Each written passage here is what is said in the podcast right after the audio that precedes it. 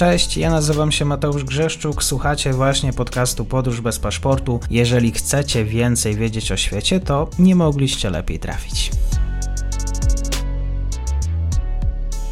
Partnerem odcinka jest Oanda, TMS Brokers, dom maklerski obecny na rynku już od ponad 20 lat. W opisie odcinka znajdziecie link do aplikacji, której możecie otworzyć konto maklerskie i grać na giełdzie, a wcześniej potrenować na koncie demonstracyjnym. Jeżeli otworzycie konto za pośrednictwem tego linku, dostaniecie na start książkę o tematyce inwestycyjnej. Zapraszam, Mateusz.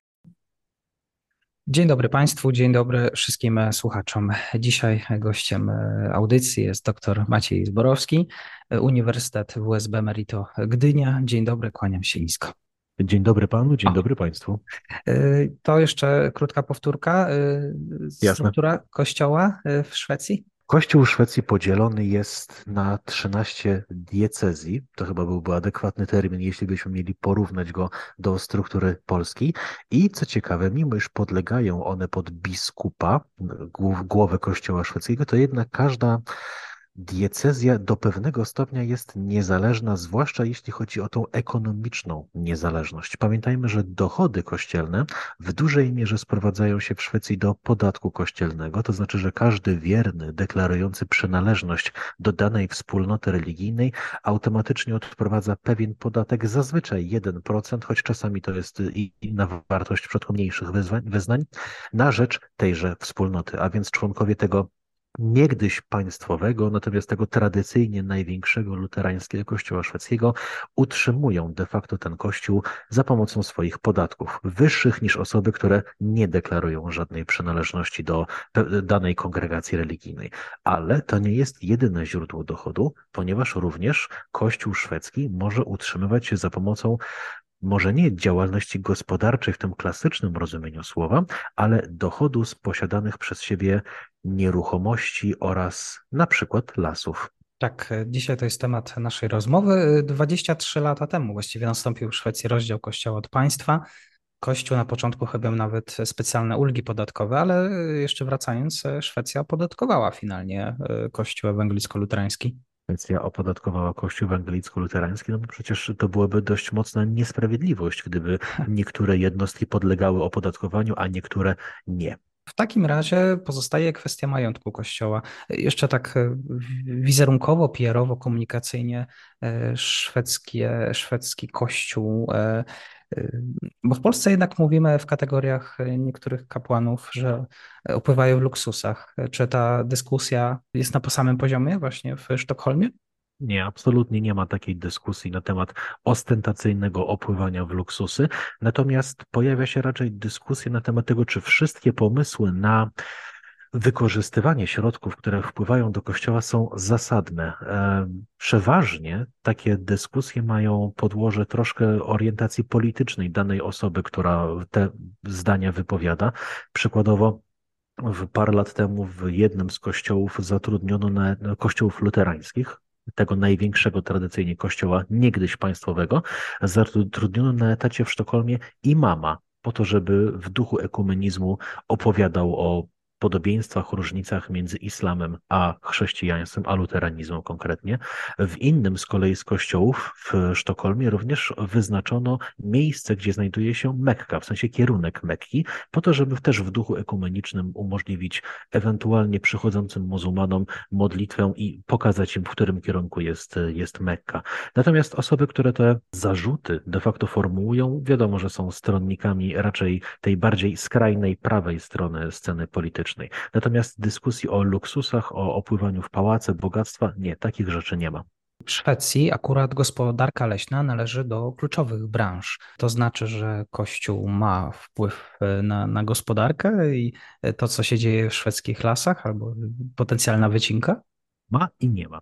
Jeśli byśmy spojrzeli w ogóle na strukturę własnościową szwedzkich lasów, to około 50% 50% powierzchni leśnej w Szwecji należy do właścicieli indywidualnych i to mówimy głównie o osobach fizycznych. Taka średnia wielkość prywatnego lasu to 45 hektarów, a mediana 12 hektarów i absolutna większość tych drobnych właścicieli lasów zleca zarządzanie lasami wyspecjalizowanym firmom i to właśnie te firmy zajmują się wycinką drzew i potem ich dalszą, dalszą sprzedażą i zalesianiem ponownym. Należałoby w ogóle troszkę podkreślić, że jest inny charakter stosunku ludności do lasów w Polsce i w Szwecji. W Polsce bardzo często traktujemy każdy las jako dobro narodowe, świętość prawie że Mamy przecież takie powiedzenie, prawda, że nie było nas, był las, nie będzie nas, będzie las.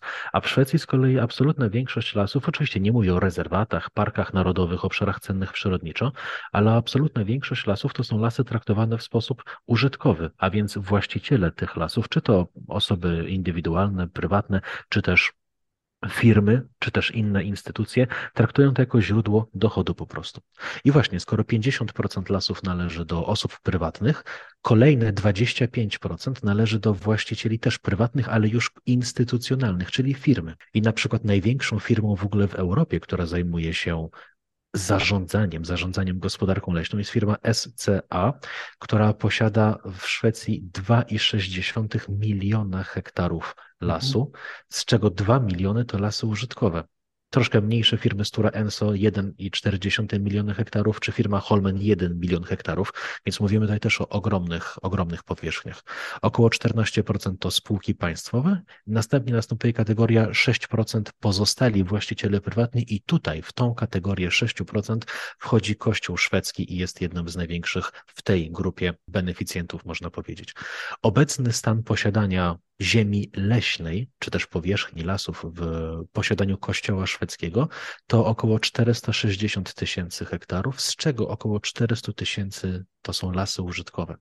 I co ciekawe, gdy mówiłem o ekonomicznym o ekonomicznej niezależności diecezji widać to wyraźnie w formalnym zarządzaniu tymi lasami, ponieważ istnieje taki termin już jeszcze z dawnych, dawnych lat prest löne tillgångarna, czyli dosłownie dochody na rzecz wynagrodzeń pastorów. Podzielono ten cały aerał ziemi, e, ziemi leśnej na 13 jednostek o dokładnie takiej samej powierzchni, jak, czy też takich samych granicach geograficznych, jak diecezje Kościoła Szwedzkiego. I każda ta diecezja stworzyła jednostkę działającą na zasadzie fundacji i to dana diecezja właśnie zarządza lasami i innymi dobrami kościelnymi, nieruchomościami kościelnymi na terenie danej diecezji. One czasami współpracują, na przykład przy certyfikowaniu lasów, przy badaniach naukowych, przy szkoleniach, natomiast generalnie są niezależne i dochody z do gospodarki leśnej z danej diecezji zostają na poziomie diecezji. Dochody roczne ze wszystkich lasów należących do Kościoła szwedzkiego szacowane są na około 500 milionów koron, czyli około 240 milionów złotych rocznie i podkreśla się, że służą one do utrzymania 600 etatów administracyjnych oraz również pastor, pastorów w kościele szwedzkim i oczywiście do utrzymania po części również nieruchomości, które jak wiemy stare zabytkowe kościoły są mocno kosztowne w kosztownym użytkowaniu. Pytanie jest takie, czy ktoś kiedyś postulował sprzedaż może tego majątku? Nie postulowano sprzedaży lasu, przynajmniej nie natrafiłem na takie informacje, żeby, żeby była dyskutowana na poważnie sprzedaż, e, albo inaczej. E, w 1527 roku król Gustaw Waza, zaniepokojony rosnącą mocą kościoła, wtedy jeszcze wtedy jeszcze zupełnie inaczej przecież zarządzanego, e, zabrał siłą absolutną większość dóbr ziemskich kościołowi szwedzkiemu i zostawił może po jakimś jednym paletku, jednym poletku na parafię, żeby się pastor mógł wyżywić. Natomiast w, później w stopniowym czasie te nieruchomości wracały na rzecz łona kościoła. To jest taki jedyny przypadek. Tak to prawo własności było respektowane i nie było dyskusji o sprzedaży tychże lasów. Mam, mam, rozumieć w takim razie, że Kościół luterański, przede wszystkim e, ewangelicko-luterański zarabia, to jest tak, wykorzystuje, e, nikogo raczej to e, nie, może nie tyle majątek interesuje, Szwedzi o tym nie rozmawiają. Wśród tych 6% stanowi to większą część finansowania majątku Kościoła. Kościół utrzymuje się z własnych nieruchomości, nie jest to kontrowersyjną absolutnie sprawą Szwecji, zwłaszcza, że Przecież y, bardzo dużo z tych indywidualnych właścicieli też utrzymuje się z tego, że posiada lasy. To mówimy o 311 tysiącach osób indywidualnych, w związku z czym to jest naprawdę rzesza, rzesza ludzi i to wpisuje się dobrze w całość gospodarki leśnej jako ważny sektor gospodarki szwedzkiej. Ale z ciekawostek, na grudzień tego roku, czyli 2023 roku, planowane jest opublikowanie e, raportu zleconego przez władze kościelne na temat tego, czy szwedzkie kościelne lasy są zarządzane w sposób zrównoważony. I to zarówno to zrównoważenie ma dotyczyć spraw ekologicznych, klimatycznych, czy na pewno nasze drzewa, które wycinamy, czy mhm. one są dobre, czy neutralne dla klimatu, czy złe może dla klimatu, ale też to e, zrównoważone zarządzanie w tym przypadku oznaczawać będzie zbadanie dbałości o prawa rdzennej ludności Półwyspu Skandynawskiego, czyli samów w dużej mierze, bo też na dalekiej północy tak. Szwecji Kościół szwedzki jest też dużym właścicielem i ziemskim, ale przede wszystkim, przede wszystkim lasów, a więc ten aspekt też będzie poruszony w imię społecznej odpowiedzialności Kościoła. Mhm. Kościół miał przepraszać właśnie e, Samów e, jeszcze parę lat temu, e, w, jeżeli chodzi o te badania, które przeprowadzane były w XX wieku. Wiem też, że aktywiści, tak wyczytałem, próbowali startować do rad kościelnych, żeby właściwie zahamować pewien proceder i mówię tutaj o własności właśnie lasów szwedzkiego kościoła działania też miały miejsce jak najbardziej. Przy czym, jeśli chodzi o badania, o których mówiliśmy, mierzenie czaszek i tak dalej, wynaradawianie de facto ludności, zmuszanie ich do przejścia na na chrześcijaństwo e, tej rdzennej ludności, czyli właśnie Samów, to jest działanie, które nie jest wyjątkowe dla Szwecji, ale też i Norwegia, i Finlandia miała takie mroczne elementy w swojej historii i w różnych krajach, ostatnio w Finlandii powołuje się komisje mające na celu wyjaśnienie zaszłości historycznych, dojście do prawdy, ewentualne rekompensaty. W Szwecji na przykład parę miesięcy temu z Uniwersytetu w Uppsali odesłano czaszki samów, które były używane jako eksponaty, oczywiście pochodzące jeszcze z okresu, kiedy swoją w cudzysłowie świetność obchodziły teorie eugeniczne, teorie rasowe, e, gdzie próbowano za pomocą mierzenia czaszek udowodnić, że osoby o takich parametrach czaszek są lepsze, o takich parametrach czaszek są, czaszek są gorsze, więc e, rządy centralne państw próbują się rozliczać ze swoją, ze swoją przeszłością i zobaczymy, do, do czego dojdą. Tak, dziś społeczność Samów to około do właściwie 40 tysięcy osób w Szwecji. Bardzo dziękuję panie doktorze za dzisiejsze spotkanie. E, kłaniam się nisko, do usłyszenia. Dziękuję bardzo, do usłyszenia.